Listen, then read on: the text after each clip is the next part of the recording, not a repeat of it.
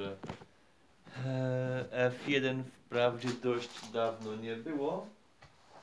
U mnie na moim jak żelaznym e, lajcie Bożym. Na szczęście F1 wraca, wróciła. Oczywiście mieliśmy Grand Prix, e, Grand Prix Azerbejdżanu, mieliśmy teraz, e, mamy teraz Grand Prix Miami, a także mamy też e, wyścigi w GB3, w Formule 4. I to też myślę, że fajnie byłoby sobie troszkę tak właśnie taki weekend y, y, wprowadzić, y, co nieco po, poowiadać o tym, co się działo właśnie w Baku, tak szybko to podsumować. Zapraszam właśnie taki live Boży, gdzie właśnie podsumujemy sobie na szybkości y, Baku, tak bardziej już nie podsumowanie takie szczegółowe, takie bardziej może bym powiedział to jest słowo wprowadzenie już do tego, co będzie miało miejsce w ten weekend w Miami. Tylko sobie czeknę, czy bardzo ślicznie i pięknie mnie samego widać. E, tak jest, no dobrze, to cóż, e, pierwszy punkt, a więc właśnie podsumowanie takiej szybkości Grand Prix Azerbejdżanu. E, zacznijmy od tego, że po części, prze, punktem pozytywnym tego jest to, że przełamaliśmy przynajmniej, nominację Maxa Verstappena, że faktycznie Sergio Perez e, czy Charles Leclerc, Leclerc pokonywali jak najbardziej Maxa.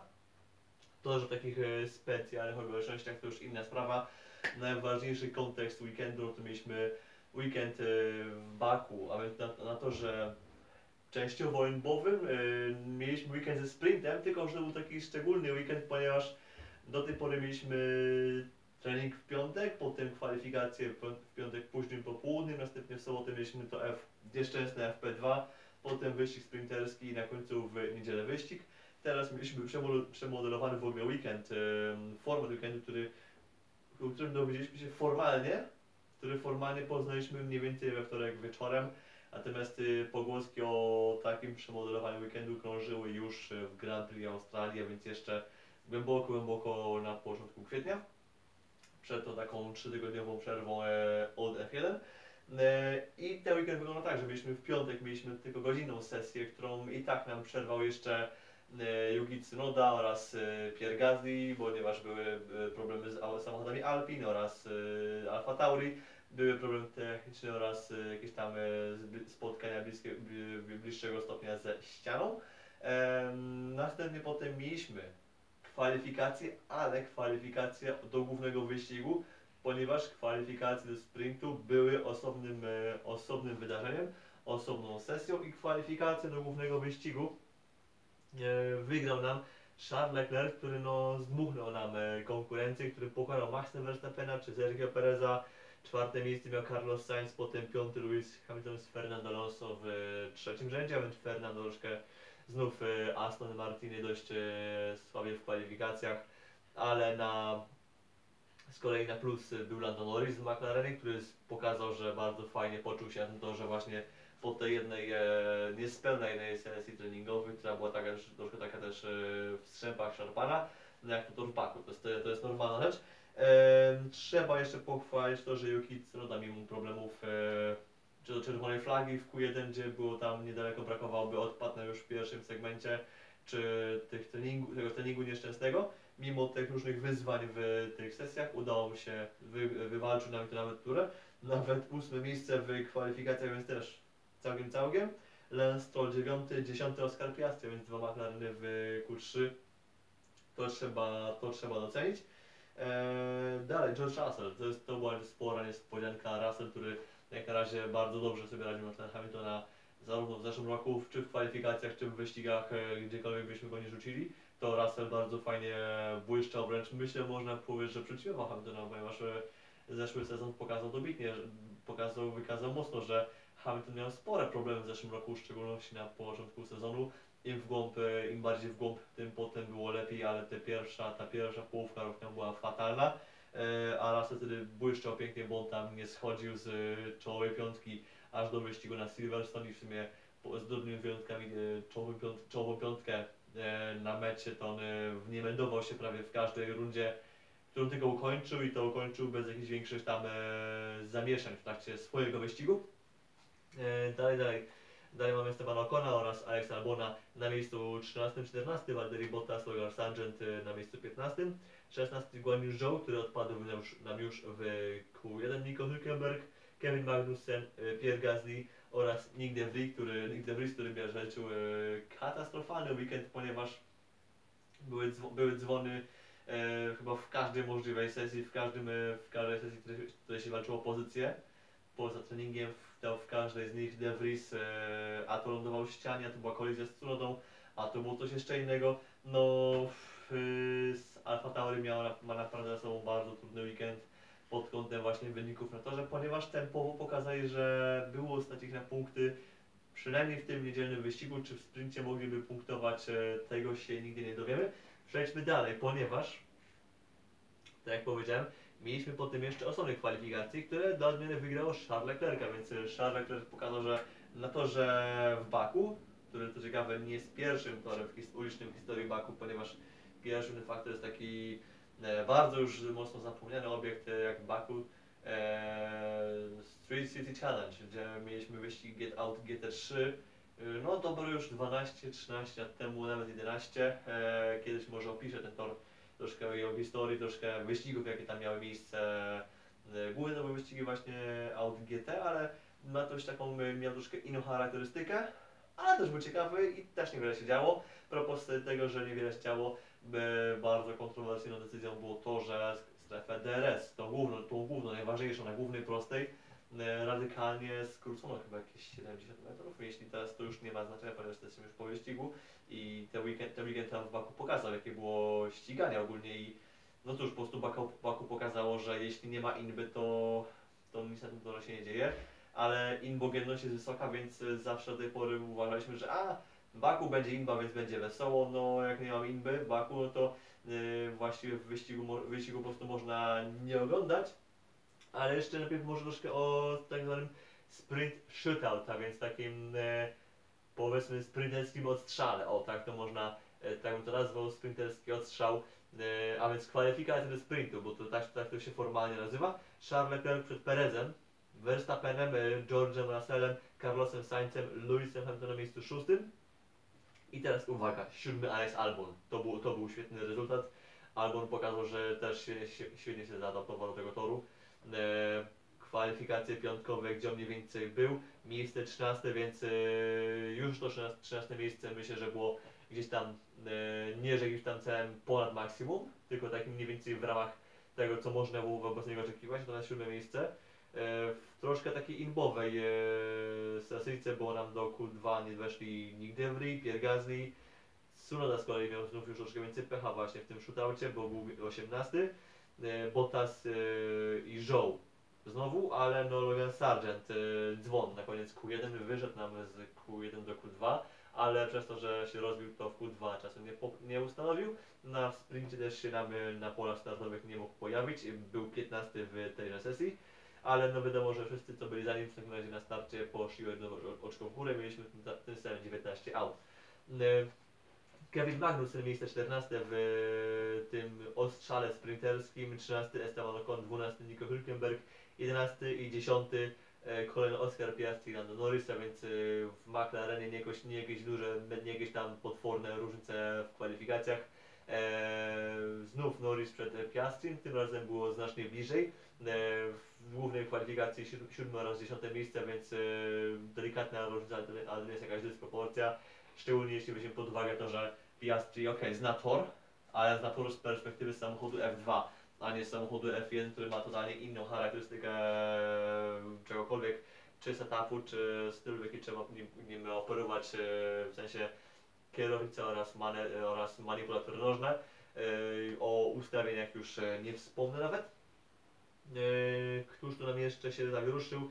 9, 8 Fer- e, Lance Stroll oraz Fernando Alonso, więc Aston Martiny znów e, kwalifikacje troszkę dalej, jeszcze dalej niż w normalnych. I ja tutaj problemem miało być to, że no Aston nie może przywiózł e, poprawki, bo w sumie każdy jakieś tam części, nowe części przywiózł, to Aston e, dalej nie do końca sobie, sobie radzi z oporem na prostych właśnie em, utrzymywanie samochodu, tfu, budowanie wysokiej prędkości, przez to, że mają tak wydajną aerodynamikę generującą docisk, sprawia, że, że opór też jest dość spory na prostej, a właśnie na prostej docisk zamienia się w opór. I niestety przez to, że e, nie potrafią jakoś e, z, z, uwydajnić, e, sprawić, żeby ten docisk był wydajny, w ramach skrzydła, w w ramach podłogi, to DRS też nie jest, niestety jest, nie jest do końca wydajny i samochód na prosto jest dość mocno dragi, że mało, ma mało wydajny DRS, przez e, te prędkości na prostej też niestety nie są aż takie wysokie jak mogłyby być. To jest jednak w sumie z takich e, nie, bardzo niewielu wad tego samochodu. Oczywiście największą wadą może być to, że samochód po prostu może nie być w stanie uciągnąć takiego develop- developmentu, jaki nam może narzucić w dalszej części sezonu Mercedes czy Ferrari. O Red Bullu już nie wspomnę, ale no Mercedes czy Ferrari, mimo że mają tylko te godzin w tunelu mniej, to cały czas mają zasoby, mają knowledge, mają, e, opierają się cały czas o, o konstrukcję już, który już jeździ rok, a więc mają więcej wiedzy na, na ten e, temat swoich samochodów niż Aston na temat konstrukcji, to jest właściwie e, no nie że od zera, ale jest bardzo mocno, jest jakby bardzo mało rzeczy zostało wprost przeniesione z zeszłorocznego auta, tak to można bezpiecznie nazwać. Idziemy może dalej, ponieważ e, też nie chcę się jakoś za bardzo rozjeżdżać w temacie tegoż, tegoż weekendu. Mamy ze sobą właśnie kwalifikacje jedne oraz drugie i teraz co się działo w sprincie. Sprint e, zaczął się nam od tego, że e, oczywiście Logan Sargent nie wystartował, ponieważ e, był dzwon w kwalifikacjach do sprintu. Yuki Tsunoda po dwóch kółkach wycofał się, ponieważ na pierwszym kółku była, była kolizja z Nickiem De Vriesem. Auto zostało uszkodzone, e, dosłownie zostawiało, zostawiało cztery ślady, więc jadąc prosto e, auto zostawiało właśnie cztery linie. E, zjechał do boksu, wymienił opony, zmienił opony, zmienił skrzydło oraz parę elementów. Niestety auto znowu zostawiało cztery ślady, więc zostało nic tylko je wycofać. E, wielka szkoda dla Alfa Tauri. Dodatkowo jeszcze zespół, e, czyli kierowca dostał e, karę 5000 euro za właśnie poruszanie się niesprawnym autem po wyjeździe z boksu, za niesprawdzenie auta właśnie po tym jak zostało ono dobitnie uszkodzone. To nabywało neutralizację, ale to nie miało większego znaczenia właśnie w kontekście walki, ponieważ w sprincie pistopy nas nie interesują, bo jedziemy wszyscy na jednym komplecie opon. Znaczy w teorii można by zmieniać opony, tak? W teorii można by te oponki zmienić, tylko że e, przy formacie, którym wyścigu, który ma 17 okrążeń, e, no to to jest dosłownie 17, 17 kółek, to jest mniej więcej tyle, ile można wytrzymać e, na oponie miękkiej na, na tym torze, a więc nie ma sensu e, ich zmieniać, więc e, mieliśmy po prostu sprint, dosłownie sprint do mety. Wygrał go Sergio Perez przed Charlesem Leclerciem. Bardzo fajny, krótki, szybki, ale szybki, jak bardzo fajny pojedynek właśnie tych dwóch kierowców. Perez yy, świetnie właśnie się zgrał ze swoim autem, lepiej niż Max Verstappen. Max Verstappen jednak yy, skradł mocno show już po wyścigu, ponieważ yy, wdał się w bardzo taką zaciętą rozmowę z George'em Russellem yy, po, po właśnie po wyścigu, po tym jak yy, panowie sobie próbowali wyjaśnić tą kolizję ze startu wyścigu, gdzie Russell troszkę ambitnie podszedł do walki z Holendrem. E, nic poważnego się nie stało, była tylko lekka dziura w sidepole, oczywiście ona już mogła wywołać jakiś damage oraz już e, zaburzyła aerodynamikę tego, jak, jak działa cały, jak działa, dzia, działa przepływ powietrza wokół samochodu w całości. E, ale nic poważniejszego się nie stało, natomiast Max Verstappen sprawiał, sprawiał wrażenie, jakby po prostu e, nie wiem, wymordowali rodzinę, po prostu naprawdę uważam, że po prostu zbyt ambitnie, twój zbyt ambitnie, zbyt ekspresywnie podchodził ten do rozmowy z, z Russellem, co nie wiem, łą- połączywszy to z tym, co miało miejsce rok temu w, w Interlagos, połączywszy to jeszcze z różnymi sytuacjami, w których e, zespołowi się nie wiedzie, widzę, nie wiem, zeszłoroczne kwalifikacje do Singapuru, do Grand Prix Singapuru, gdzie zespół popełnił błąd i od razu była jazda po zespole, e, czy też po prostu taka, takie mówienie, że no, że trudno jest mi zaufać zespołowi, czy coś w takich sytuacjach, e, gdzie zespół, gdzie, gdzie Red Bull naprawdę popełnia błąd, może raz na, na dosłownie raz na ludzki rok. I to jest normalne, e, że błędy się zdarzają po stronie zespołu, po stronie kierowcy. Miałem okazję być e, parę razy na torze, myślę, że prawie każdy dziennikarz motorsportowy, jaki miał okazję być na torze i rozmawiać z, nie wiem, z menedżerem zespołu, z kierowcą e, jakiejkolwiek ek- ekipy, po rozbiciu się, po popełnieniu jakiegoś błędu w pistopie, po popełnieniu jakiejkolwiek właśnie gafy, mówi się shit happens, gówno się zdarza. I to jest normalna rzecz, że takie coś się czasem zdarzy, że jest jakiś niepomyślny wyścig, że ktoś, załóżmy Cię mocno, potraktuje, i, ale w takich sytuacjach Verstappen pokazuje jakby, nie wiem, że jakby nagle, jakby to był koniec świata, jakby faktycznie to, co zrobił zespół, miał mu w ogóle zaorać cały sezon, podczas gdy, okej, zostały mu lekko zniszczone kwalifikacje w Singapurze, ale to nie było coś, co miało być na jakąś mega wagę złota, Tymczasem Max Verstappen, Max Verstappen w takich sytuacjach, e, czy względem zespołu, czy- względem rywali, daje nam do zrozumienia, że nie wiem, że trzeba przed nim rozwijać e, złoty dywan. I słyszałem właśnie już w paru różnych audycjach, podcastach e, podobne zdanie i trudno mi jest się z nim nie zgodzić.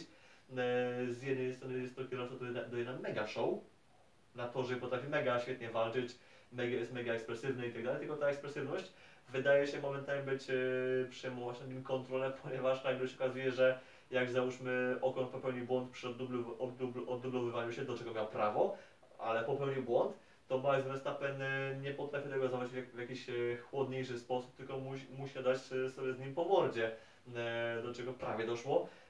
W rok temu w Singapurze też tak powiedziałem, to był taki moment, który bardzo mocno zwrócił moją uwagę na to, jak sobie Max radzi z takimi emocjami w takich momentach, gdzie jak on popełni błąd, to jest, no, no shit happens, ale jeśli zespół już coś e, popsuje, co do czego no, nie powinien, ale jednak ma prawo koniec końców, e, żeby zespół e, coś, gorsze, coś tam gorzej zrobił raz na jakiś czas, no to nagle jest, wiecie, jest nagle wola Boga, świat się kończy. Idąc dalej, trzeci właśnie Max Verstappen, czwarty George Russell, a więc powrót do mocnych wyników po tym niepowodzeniu z Australii, piąty Carlos Sainz, szósty Fernando Alonso, siódme, ósme miejsce Hamilton oraz Lance Stroll. Poza punktami już e, Alex Albon, e, Oscar Piastri, Kevin Magnussen, Guan Yu Zhou, e, Guan Yu Zhou, Pierre Gasly, Nick De Vries, Nico Hülkenberg, Valtteri Bottas, Lando Norris, Esteban Ocon, Yuki Tsunoda oraz Logan Sargent. Ta dwójka akurat no, nie dojechała, a w pewnym sensie nawet nie wystartowała. A co się działo w górnym wyścigu? W górnym wyścigu się właściwie działo niewiele więcej, ponieważ ponieważ, ponieważ e, tak naprawdę wszystko się rozbiło o właśnie tę tą za krótką strefę DRS, która, no nie wiem, czy gdyby byłaby dłuższa, to wydała nam jakiś, nagle jakiś mega, jakiś, jakiś mega thriller. Wprawdzie no, w końcówce było wesoło, e, było dość bliskawo momentami między Verstappenem i Perezem, ale Perez miał w ten weekend po prostu wszystko pod kontrolą na dłuższym dysta- dystansie, mimo że Leclerc był szybszy, był, był petardą na pojedynczym, na pojedynczym okrążeniu.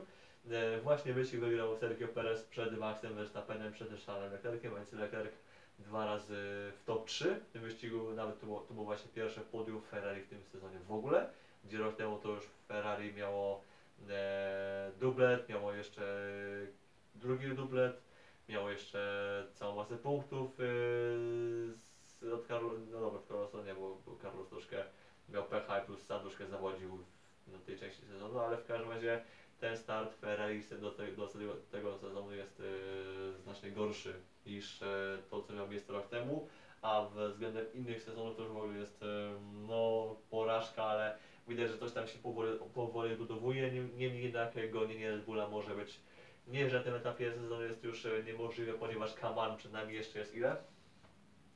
19 wyścigów, a więc naprawdę w ciul sezonu, plus do tego jeszcze dochodzą sprinty, do tego jeszcze jest e, cała masa innych, innych czynników, tak jak właśnie limity budżetowe, które Red Bulla kopną, mogą kopnąć mocniej w dalszej części- części sezonu, co w tym momencie na razie jest w sumie jedynym jakimś takim e, kołem ratunkowym dla nas, dla, dla tego sezonu, ponieważ ten sezon nie układa się tak fajnie, jak to miało miejsce rok temu. Oczywiście nawet nie mówimy o sezonie 2021, który był wręcz e, magiczny i baśniowy momentami. No, po prostu była fenomenalna walka, oczywiście była masa kontrowersji sędziowskich wokół tego, ale sam sezon był świetny. E, Rok temu no, było tak, no nawet nie mówię e, znaczy środ- środek stawki był świetny, ale no czołówka jednak e, jak już Red Bull doszedł do ładu z niezawodnością, a Max Verstappen doszedł do ładu z tym jak się zachowuje samochód, to raczej no już dużo nie pogadaliśmy e, niko, nikogo innego na czele.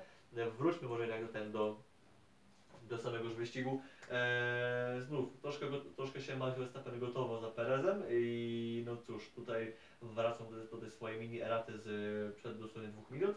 I Leclerc pierwsze podium w sezonie takie pełnoprawne, więc e, uhu, fajnie happy. Blisko za nim był Fernando Alonso na czwarte miejsce, więc e, coś, te, coś się z tego auto wydało, udało wygrzebać. Tu też pomogła e, z pewnością ta szybka neutralizacja, gdy De Vries stanął, stanął na torze.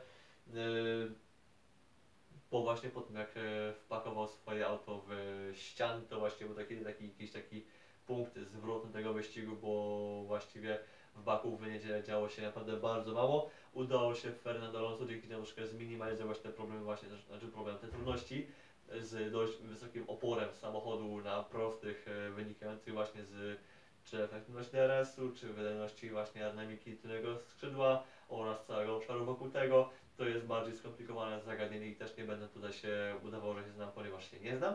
E, idziemy dalej, ponieważ e, piąte miejsce Carlos Sainza, więc e, drugi z kierowców Ferrari, szósty Lewis Hamilton przed e, Strollem, Russell- Russellem, Norrisem i Tsunodą. I Tsunoda zamyka nam czo- czołową dziesiątkę, a więc ten punkcik honorowy był, chociaż uważam, że była szansa na coś e, większego, bo Tsunoda uważam, że pokazywał prędkość, ale niestety też były pokazywane też e, brak szczęścia, błędy w Alfa Tauri. Oczywiście jeden z takich main, to, main, e, main pointów e, wokół Alfa Tauri było to, że po tym roku nam się dokona dość radykalna zmiana w zarządzie, ponieważ e, z funkcji szefa po tym roku, po tych już 18 latach czy 17 ustąpi nam e, Franz Tost, a więc e, dotychczasowy szef zespołu właśnie Toro Rosso, czy obecnie Alfa Tauri. On będzie bardziej doradcą zespołu. E, nie wiem, czy na ile to będzie zbliżone, zbliżone do, tego- co robi Helmut Marko w Red Bullu. E, możliwe tak, może to będzie bliż- coś bliższego Nikiemu Laudzie, e, świętej pamięci Nikiemu Laudzie w Mercedesie, tego też nie wiemy. Wiemy natomiast to, że ma to miejsce przejąć Laurent Meki, a Lo- Laurent Mekis, e, już już tu nie wiem, już, już tu się wymawia, ponieważ słyszałem jedni mówią tak i inaczej. W każdym razie Francuz, który obecnie jest szefem działu strategii w Scuderii Ferrari, e, tenże pan miałby właśnie, ma właśnie przejąć e, miejsce po Toście. Tam jeszcze formalności są do dopięcia, ponieważ jeszcze jest cała kwestia okresu wypowiedzenia właśnie ze strony Ferrari, który właśnie Laurent ma, z którym jeszcze Laurent ma ważną umowę. Prawdopodobnie będzie tak, że zaraz go na, na gardening leave i dołączy do zespołu Alfa Tauri pewnie w styczniu właśnie przyszłego roku. Zobaczymy, to też się rozwiąże. To, nie jest też zresztą jedyna zmiana właśnie w Sacie, ponieważ tam jeszcze jest parę innych osób też się będzie rotowało, przesuwało, odchodziło, przychodziło e, na stanowiska seniorskie. To jest cały taki e, plan restrukturyzacji zespołu e, po tym, jak uznano, że w sumie jak go nie sprzedajemy, bo były plotki, że go może sprzedamy, ale jak może go nie sprzedamy, może przeniesiemy całą bazę do Beister, a może utrzymamy wszystko w Faenzie, właśnie może będziemy bliżej po- poprzez to Beister, a może i nie. Yy, Red Bull jako właściciel zespołu yy, SAT troszkę się właśnie wahał, podejmował różne, różne jakieś ruchy, różne jakieś decyzje, e, rozważał, różne scenariusze po śmierci Leticia Matezicza. E, czy SAT się jeszcze im opłaca, czy może już się SAT nie opłaca. Wygląda na to, że na razie SAT się opłaca. E, za chwilę, dobra, za chwilę przejdziemy do takich bardziej rzeczy, rzeczy newsowych, ale żeby jeszcze dopełnić formalności, mm, za punktami byli e, Oscar Piastri, Alex Albon niestety nie udało się punktów dowieść, szkoda, ponieważ mówię, był potencjał. E, 13 Kevin Magnussen, Pierre Gasly, Esteban Ocon, e, Logan Sargent, Nico Hülkenberg, e, Valtteri Bottas, Guan Yu Zhou i Nick De Vries nie skończyli wyścigu, więc tam dojechało 18 aut e, do mety. I teraz na szybkości to jest tak. E, e, czy coś o tym wyścigu mo- można powiedzieć? No nie, powiedziałem. Było nudno, po prostu było, można było usnąć. Ja osobiście oglądałem wyścig bardziej na niemieckiej autostradzie, oglądałem właśnie, śledziłem, cóż tam się fajnego dzieje, nie, dzieje się, nie działo się absolutnie nic e, Baku. Prawdopodobnie przez tą wydłużoną, przez tą krótszą strefę DRS-u e, straciło właśnie na parę walk, nawet z tym użyciem tego, tego cholernego DRS-u, to byłoby nawet cokol, cokolwiek. Natomiast sam format e, sprinterski, o ile sam nie lubię sprintów, tak jeszcze bym dał tą jedną, dwie szanse na to, by, by sprawdzić, czy format, w którym robimy osobne kwalifikacje do sprintu i osobne do głównego wyścigu, czy to ma sens. E, Na pewno ma więcej sensu e, robienie jednego treningu, aniżeli dwóch na siłę, byle był ten drugi, a, w praktyce drugi trening jest już właściwie w momencie, w którym już, e, już są, obowiązują już, już zasady parku zamkniętego, co mija się z tym, ponieważ ten FP2 jest, jest tylko taką sesją rozgrzewkową, żeby bardziej może przetrenować e, przejazdy na ten, na nie wiem, na właśnie na używanych oponach pod kątem głównego wyścigu, może żeby zrobić- zrobić taką symulację sprintu, by zobaczyć jak te opony się zachowają właśnie na tym e, mniej więcej tym stincie, jaki będzie, jaki przecież trwać, trwać ma sprint. To nie miało sensu. dajmy właśnie szansę. Kolejną próbą będzie Grand Prix Austria, więc e, no, początek lipca i to będzie znów runda, która się będzie pokrywała z łekiem. Co jest najśmieszniejsze na szczęście, nie będzie się pokrywała z MotoGP, ponieważ e, pierwotnie miał być e, Grand, Grand Prix Kazachstanu w tym samym czasie. W weekend właśnie Grand Prix Austrii oraz e, Six Hours of Monza w łeku, no ale Grand Prix Kazachstanu spadło z rowerka. E, Nie będzie, bo chyba bo finanse, w dużym skrócie, bo finanse, czyli pewnie ktoś nie płacił czegoś e, na czas i kontrakt po prostu unieważniono. Z tego co słyszę od Mika Fiałkowskiego czy od, od innych źródeł, to też Grand Prix Indii, e, które też tak się troszkę pojawiło z czapy, bo Kazachstan i Indie troszkę tak właśnie tak z czapy, mało kto się spodziewał. E, e, Indie też nam mogło chyba finalnie nie dojść do skutku, czy byłbym jakoś smutno z tego powodu. Z jednej strony tor, który e, no jest troszkę na pustyni, ale na koniec końców ta popularyzacja MotoGP w Indiach, MotoGP, skoro nie może się przebić do kibica w USA, próbuje się przebić w Indiach, czy ogólnie w krajach tej dalszej Azji. Na razie pewnie to szło dość fajnie, no ale szkoda właśnie, że przez to, że tych Indii prawdopodobnie nie będzie, to ten krok nie będzie mógł być poczyniony. E, Ja życzę MotoGP jak najlepiej. Do o MotoGP pogadam sobie za tydzień. E, Skończyliśmy myślę temat Grand Prix Azerbejdżanu, więc możemy sobie przejść na szybkość, dosłownie do Grand Prix, Grand Prix, Grand Prix.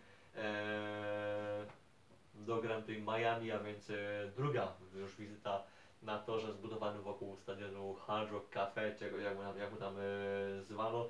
W każdym razie tor uliczny, który e, jednym się podoba, innym się nie podoba. Można powiedzieć, że wyzwanie dla kierowców jest, w Baku też jest, znaczy to są oczywiście dwa, dwa zupełnie inne obiekty, ponieważ e, Miami jest już znacznie bardziej krętym torem, są też długie, proste, ale już e, Miami jest takim, jest obiekt uliczny w Miami jest troszkę bardziej krętawy.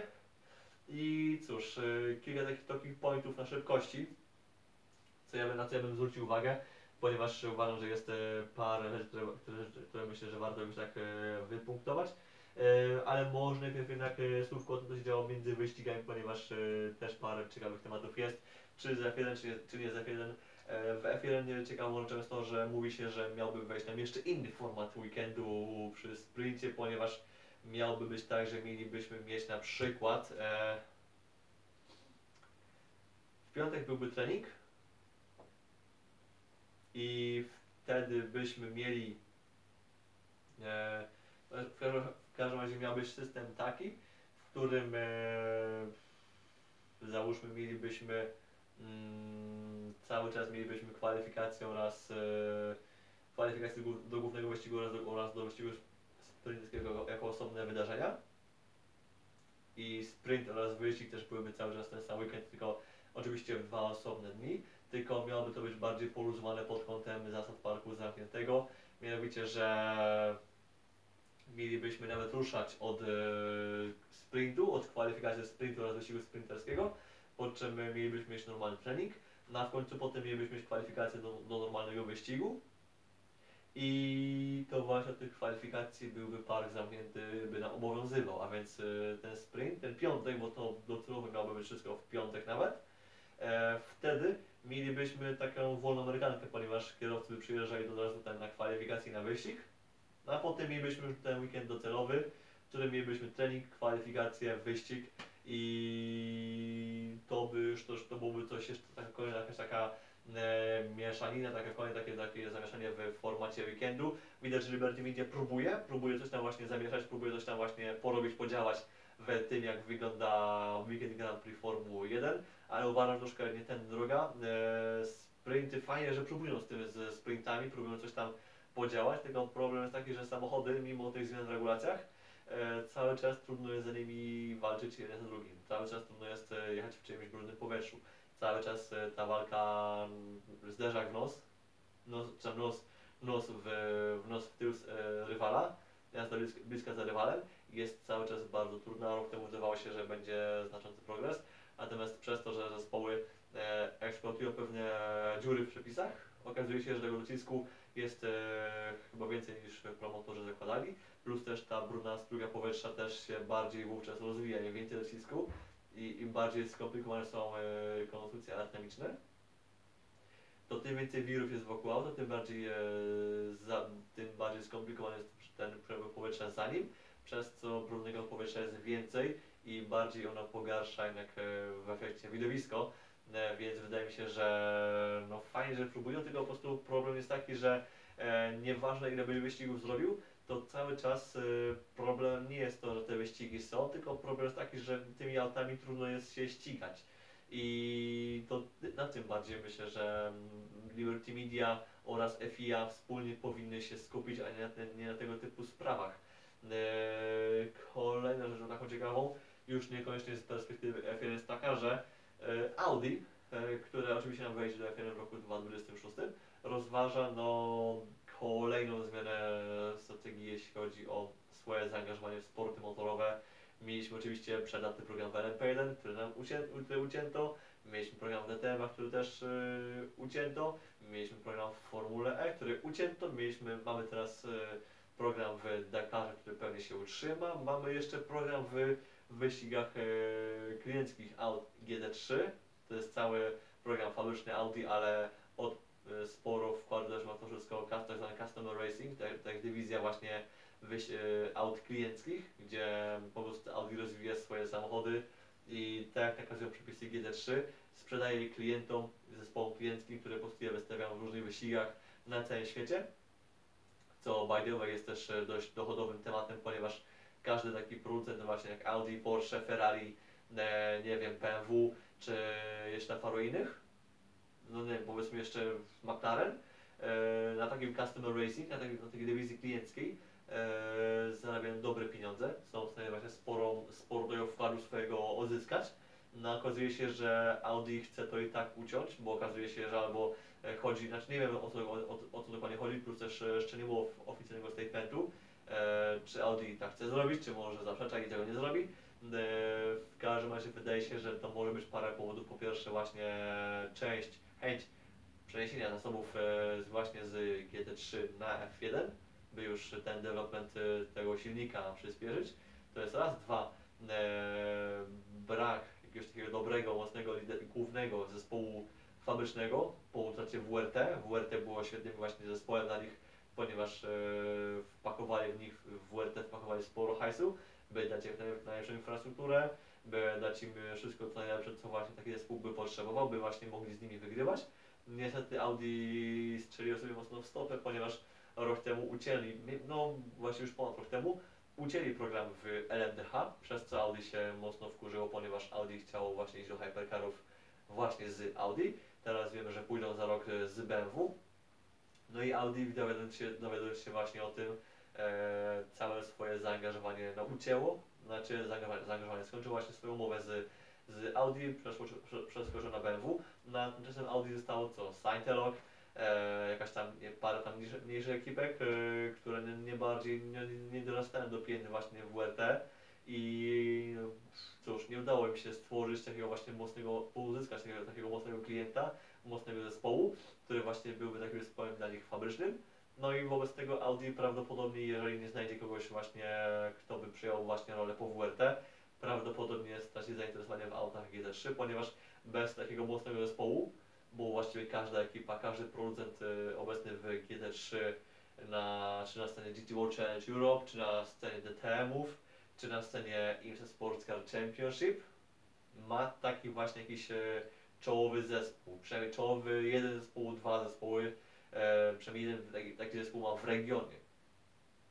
Ferrari ma F Corse e, w Europie, a w Stanach mają Racing Competizione.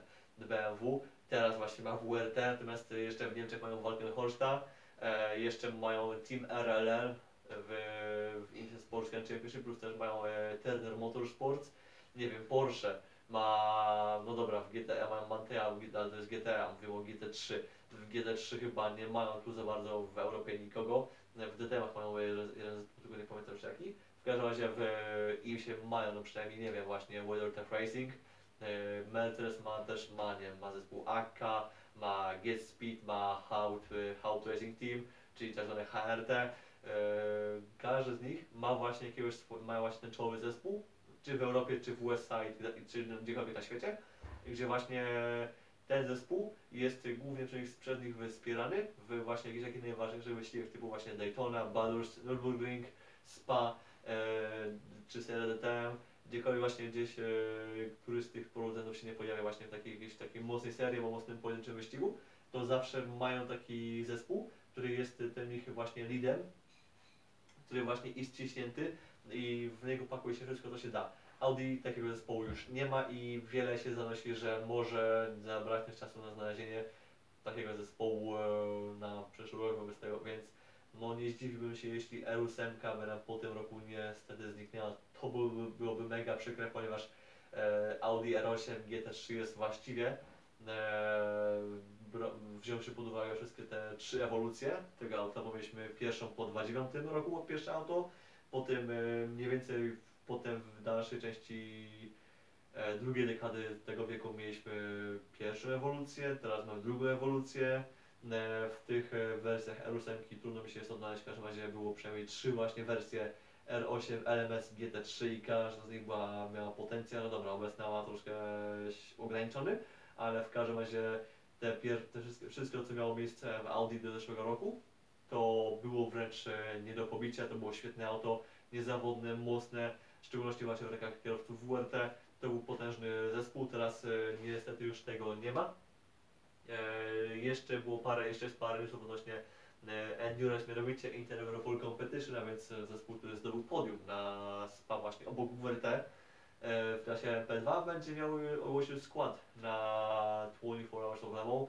Będą tam m.in. Jan Magnussen czy Anders Fjordbach, a więc taki solidny skład do LMP2, ale Pro Am, ponieważ zespół właśnie zgłosił się do podklasy Pro Am i nie będą walczyli w głównej, głównej LMP2. Oczywiście nic im nie broni pokonać e, głównego zespołu, głównych ekip LMP2, bo mimo, że to tam są, że Pro Am ma brąza e, w składzie, a nie tylko Silvera, no to jest cała masa czynników, która może sprawić, że w programach będą mieli potężną załogę, która może stawić czoła paru, paru ekipom z głównego LMP2.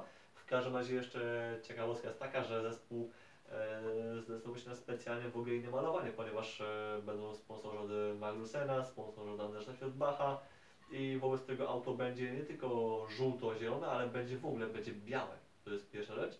Będą zielone paski i tak dalej. E, fotki możecie sobie znaleźć właśnie na stronie, na stronie zespołu, czy na Twitterze, czy na, czy na Facebooku, e, etc. E, czy coś jeszcze? A, jeszcze bardzo ważny news, Alvaro Bautista, który miał e, mieć tak zwaną Exceptional Press Conference e, w czwartek e, po południu przed e, rundą w Barcelonie. Wydawałoby się wszystkim, że to będzie ogłoszenie końca kariery, co byłoby troszkę dziwne, ponieważ Alvaro Bautista jeszcze nie ma 40 i naprawdę jest e, w, dobry, w dobrej kondycji, to jest raz, dwa, jest e, naprawdę w gazie, jeśli chodzi o to, co, to, co się dzieje w tym sezonie. No i trzy, no nie po prostu ogólnie jest bardzo, po prostu nie ma powodów, za którymi, które miałby stać za tym, że Bautista miałby się nawet wycofać z, z, w ogóle ze ścigania. Eee, na szczęście nic, nic takiego się nie stało, ponieważ Alvaro Bautista ogłosił dzisiaj, że zostaje z Ducati jeszcze na ten jeden rok, na przyszły sezon. E, Ja myślę, że ten rok, na tamtym przyszłym roku, roku 2024 się nie skończy, że pewnie jeszcze będą, myślę, że spokojnie dwa lata jeszcze może na Bautista pociągnąć naprawdę prawie pod tą 40 może, może dać radę. Naprawdę w superbajkach e, nie powinno być dla niego problemu. On i Jonathan Ria będą, myślę, że do tej, do 40 będą spokojnie się dobijać, nawet mogą się przebić, bo oboje są w świetnej formie.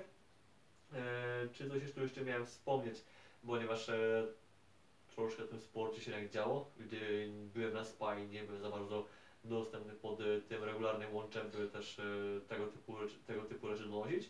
Ja myślę, że temat e, takich pobocznych newsów myślę, że mam wyczerpany, chociaż pewnie coś mi jeszcze przyleci do bani, ale trudno. E, idziemy dalej, właśnie takie szybkie preview Grand Prix Miami, tak jak powiedziałem.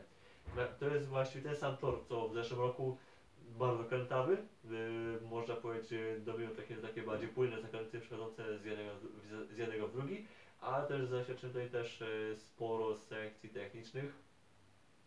No i najważniejsza, najważniejsza zmiana, ponieważ sam układ toru się nie zmienił. To jest jakby, to jest yy, najważniejsze, ale yy, zmieniło się to, że będziemy mieli krótsze strefy DRS-u i to obydwie.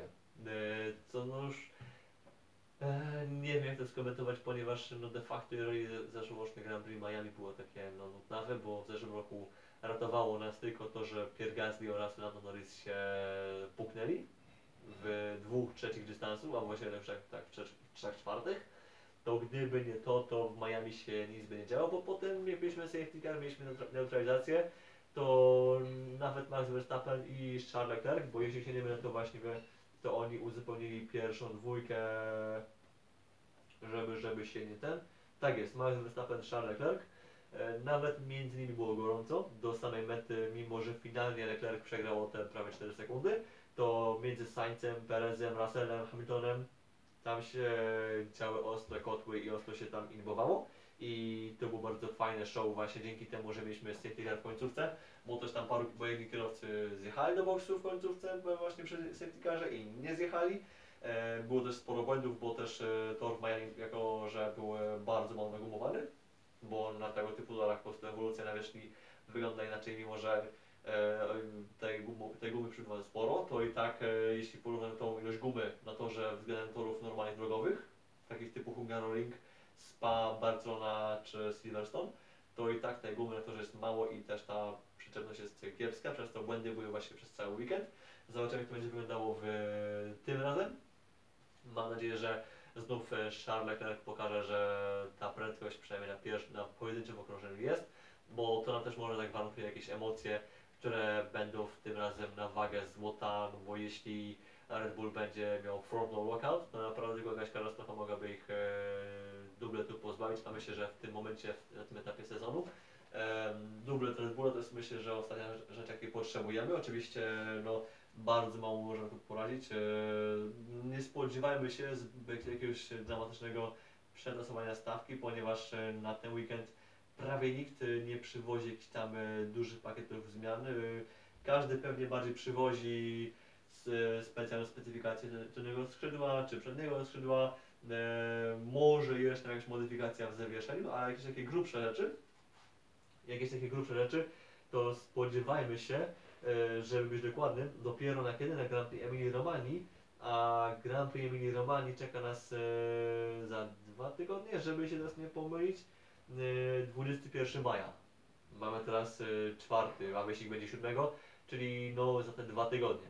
Za dwa tygodnie możemy się spodziewać e, w, maja, w, na Imoli, w Grand Prix Emilii, Romani możemy się spodziewać jakichś takich grubszych pakietów zmian. Zresztą Mercedes już to zapowiedział, że będzie jakaś tam znacząca przebudowa auta, tak zwana zmiana koncepcji w końcu, ta słynna. Czy coś jeszcze można wspomnieć? Zobaczymy. Czekają właśnie będzie to, że skoro ta, o tą przyczepność jest trudno, to okej, w czołówce może być nie, spodziewa, nie się przetasowań, ale w tym mega zbitym e, środku stawki, w którym tym, w tym roku jest e, 5 zespołów minimum, bo jest nim Alpin, bo środkiem stawki jest w tym roku Alpin, McLaren, Williams, e, SAT, Haas, Alfa Romeo, to ja bym się spodziewał, że okej, pewnie Alfa będzie bardziej gdzieś tam z tyłu, Nick de Vries też tam będzie, będzie gdzieś tam bliżej końca stawki, bo jednak no, tego adaptacja do F1 jest, e, przychodzi mu mega trudno, ale ja bym się spodziewał może, że Alex albo coś wyczaruje, że po prostu gdzieś e, ktoś, e, ktoś kto się lepiej, lepiej poczuje na tej nawierzchni, na, w takich warunkach, e, może sprawniej wejść w ten weekend, może sprawnie wygenerować jakiś dobry wynik w kwalifikacjach, a potem e, może na tym się oprzeć, dobrze, oprzeć swój wynik w wyścigu, pod warunkiem, że nie będzie jakiegoś czynnika typu czerwona flaga i nagle wszyscy się, nagle nie, nagle ktoś po prostu, ktoś się to mocno korzysta. E, Ja bym się spodziewał właśnie, że bardzo ważne, żeby właśnie patrzeć gdzieś tam na, na to okolice, nie wiem, tego miejsca 9, 10 i w dół, tam może być interesująco w czołówce, wyglądałoby na to, że e, będzie bliżej, ale między Astonami, Ferrari i Mercedesami.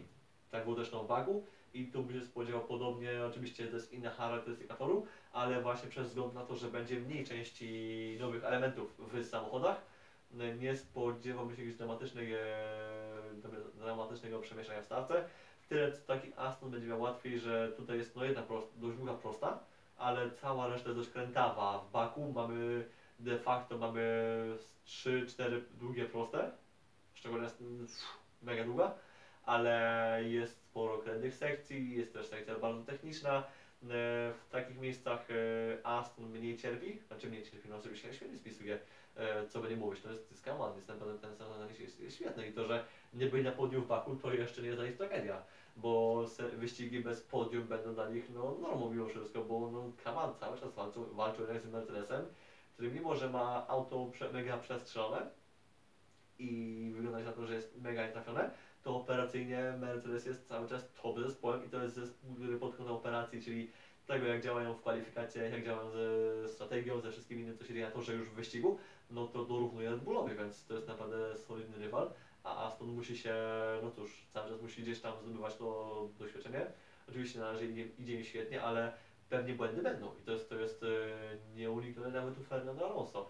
E, Ferrari zobaczymy jak to się, jak to się ten, jeżeli kwalifikacje pójdą dobrze, to ja myślę, że e, no solidne P4 może być, nie, nie żartuję. Jeżeli, jeżeli Ferrari nie, nie sobie kwalifikacji, szczególnie Leclerc czy Sainz, to można naprawdę czegoś fajnego się oczekiwać, ale w Mercedesie na przykład kwalifikacje nie będą jakoś mega istotne, bo mówię, Mercedes jest dobrze z- zgrany operacyjnie i, nawet jeśli będą na piątym, szóstym miejscu, to nie trzeba zbyt wiele, żeby coś e, z tego wyczarować, pod warunkiem, że będzie, oczywiście będzie ich tempo walczy, bo to też jest e, cały czas nie mega ważne, to, że masz dobrą operację, dobre strategie i tak dalej, to jest jedno, ale jeszcze pomo- pomocne jest to, że masz szybkie auto, albo auto, które po prostu możesz cisnąć, a nie musisz się oglądać na porpoising w własnym samochodzie.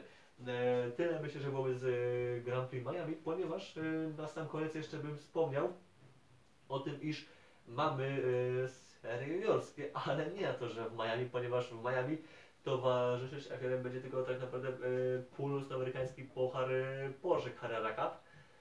A więc te, ten, te same samochody, jakie mamy w serii Beneluxowej, czy też czy niemieckie, jaka- jakie jechały przy łeku w ten weekend, czy przy serii Porsche Super Cup, a więc tym głównym pucharze, który nam jeździ w Europie oraz czas, czasem się pojawia gdzieś tam w, w Nakota.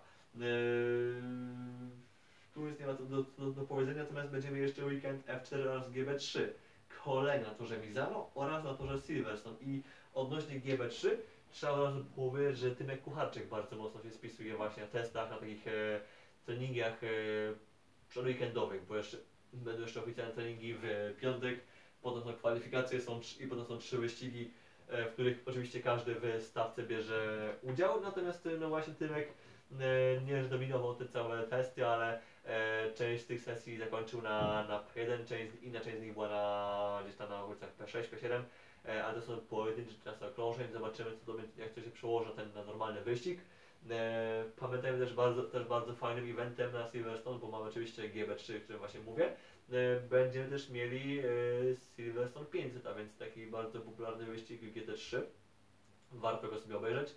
E, to jest taki myślę, że najważniejszy wyścig e, GT3 właśnie w ramach British GT w ciągu sezonu. To jest takie powiedziałbym Le Mans, e, ale w wersji brytyjskiej GT, czy też może by powiedział takie Monaco, ale właśnie w wersji też British GT. To jest takie, dla nich, dla nich to jest coś jak dla IndyCarów jest Indy 500. To jest bardzo ważny event w ciągu sezonu. E, Joseph Locke oraz e, James Headley bardzo, moc, bardzo mocno się spisywali, zresztą e, nie bez powodu oni prowadzą w klasyfikacji generalnej po pierwszej rundzie tego sezonu, ale zobaczymy to się właśnie, jak to się właśnie mm, rozstrzygnie w ten weekend. Tymek jak na razie bardzo solidnie pod kątem tempa, oczywiście troszkę pecha w tym drugim, trze- trzecim wyścigu sezonu, szkoda, e, no było jakieś tam P5 czy jakieś tam P4, P3 są jak najbardziej w zasięgu ręki, przynajmniej tak się wydaje przed tym weekendem, ale na wszystko to zweryfikuje, zweryfikują wyścigi. Na te w GB3 potrafią być takie no, bardzo, bardzo dziwne, no też momentami niebezpieczne, ale to już jest inna sprawa. Mam nadzieję, że nikomu nic się nie stanie, bo e, uważam, że na Auto Park e, było bardzo niedaleko tragedii w paru momentach. E, Może nie tragedii, może po prostu jakieś takie troszkę poważnie, troszkę poważnego nieszczęścia bo tragedii jeszcze troszkę było, ale no, warto losu nie kusić. E, Tymek Kucharczyk jeszcze będzie oczywiście jechał Food Tymek Kucharczyk e, Kasper Sztuka, który już ma wsparcie Orlenu. Pojedzie nam e, na F4, F4 na Mizano. Rok temu Mizano było dla niego fatalne, ponieważ on chyba punktów nie zdobył w, w żadnym z trzech wyścigów. Były tam jakieś były problemy ze sprzęgłem, były problemy z kolizjami, e, bardziej chyba nie z jego winy, e, mówię już z pamięci. W każdym razie rok temu Imola, Imola była dla niego świetna, bo tam było sporo dobrych punktów plus wygrana i w tym roku było to samo z wygraną, ale już y, punktów kolejnych nie było, bo nie było na finiszy na ten, na torze, bo były, bo były różne, różne DNF-y. E, Natomiast rok temu Mizano było dla niego kiepskie pod kątem właśnie finalnych wyników, ale tempo właśnie znów też był w czołówce, jeśli chodzi właśnie o takie testy dla kierowców przed weekendem. E, Treningi, zobaczymy jak to się ułoży, kwalifikacja etc. też może być fajnie, w każdym razie wydaje się, że no skoro, że, Kas, że Kasper po prostu robi chyba użytek ze swojego doświadczenia, ponieważ no już Kasper jest już e, trzeci sezon w Formule 4, no więc na nim e, troszkę taka presja ciąży, skoro jesteś trzeci rok i walczysz z Ugo Goczuku, e, Antonelli już, już nie ma go we 4, jest już w Frece, ale walczysz z Lindbladem, z, czy z Harnewidem, który też jest e, mocno promowany przez Kubę Mikołajczaka, czy młodego Badauera, który zero daje, daje radę, no to uważam, że jeśli walczysz z debiutantami pokoju tego typu kierowców, no to twoje doświadczenie powinno ci mocno przemawiać na twoją korzyść. E, niestety tak się, no, niestety nie wiem jeszcze, czy, czy tak się będzie działo na przestrzeni całego roku. Mam nadzieję, że w e, niedzielę będę mógł przekazać Wam troszkę lepsze wiadomości, chociaż myślę, że bardziej już w poniedziałek, ponieważ e, Grand Prix Miami jest właśnie w niedzielę wieczorem. Nie ma sensu się jakoś rozjeżdżać na temat e, właśnie e, wyścigów F4 i GB3 osobno. Ja myślę, że po prostu nagram Lajka Bożego bardziej w poniedziałek, właśnie po Grand Prix Miami, troszkę to może spróbuję sobie pewne rzeczy rozłożyć. Na sam koniec jeszcze w ten weekend jest pucharowa seria NASCAR na torze Kansas Speedway rok temu. Bardzo fajnie sobie tam radziły, czy Kurt Busch, gdzie to było jego finalne zwycięstwo w karierze, e, czy Baba, Wall, Baba Wallace potem w sezonie playoffowym. E, a więc kierowcy Toyoty z numerem 45 w e, zespole Michaela Jordan, Jordana oraz Danny'ego Hamlina, a więc zespole 2311 Racing. Zobaczymy jak to będzie miało, wyglądało w tym roku, bo na razie niemiłosiernie, znaczy niemiłosiernie, tak wykrystalizowali nam się dominatorzy w postaci Kyla Busha, który nawet wygrał w tym roku na Taladedze, a Bush e, z tego co kojarzę wygrywający na, na Super Speedway to nie jest, e, to nie jest e, częsty widok. Joey Logan też jest mega potężny. Ross Chastain już rozlawia chyba na, na potęgę i wydaje mi się, że w tym roku może być mocno sprowadzony na ziemię przez jakiegoś rywala w playoffach, ale to play, będą playoffy. Na razie jest runda w Kansas, bardzo fajnie, bardzo fajna runda, warto ją sobie zobaczyć. Ch- Chyba tylko pokrywa się niestety z Grand Prix Miami w F1 niedzielę niestety, więc troszkę taka lipa. Eee, Kto wygrał tydzień temu w Dover? O Jezu, już zapomniałem kto wygrał w Dover. Martin Truex Jr. Właśnie, o to też, to też jest świetne nazwisko. Świetny zawodnik, który wreszcie przerwał taką swoją dłuższą przerwę bez zwycięstwa. Eee, W końcu wszystko się ułożyło tak jak powinno na niego, mimo że jego dział strategiczny tak różnie z nim bywa, ale tym razem wszystko się fajnie, dobrze skończyło, też tam mu sporo szczęścia napisało. Mam nadzieję, że Truex znów do tej formy mocniejszej powróci, bo jeszcze chyba ten rok pewnie jeszcze przed nim jest, bo Harvick się wycofuje, Truex jeszcze na przyszły rok jeszcze nie jest pewny, ale fajnie byłoby, gdyby Martin Truex Jr. jeszcze w przyszłym roku nam się pościgał na pełny etat. Y, To zwycięstwo jest dla niego bardzo ważne, bo tak powiedziałem, kończy ten e, czas, okres bez wygranych, plus y, no, daje jakiś taki, taki announcement, że hej, będę walczył o miejsce w playoffach. Rok temu udało się, udałoby się, gdyby nie ten Ścip- nie Ścipski, Austin Dillon oraz Daytona 400, e, bo rok temu Martin Truex wyszedł e, bez wygranej, nawet bez wygranej, no ale niestety rzutę na taśmę Austin Dillon wygrał wyścig właśnie w Daytonie 400 na koniec sezonu zasadniczego i się troszkę sprawy skomplikowały i się nie udało wejść do playoffów. E, Mam nadzieję, że w tym roku będzie inaczej i Martin Truex będzie właśnie z 19 w playoffach. E, tego już bym sobie życzył. Ja myślę, że to będzie już wszystko, raczej e, nic więcej do dodania nie mam. Więc cóż, e, słyszymy się myślę w poniedziałek. A tymczasem well, e, dziękuję bardzo za ten Boży. I cóż, słyszymy się w poniedziałek. Do usłyszenia.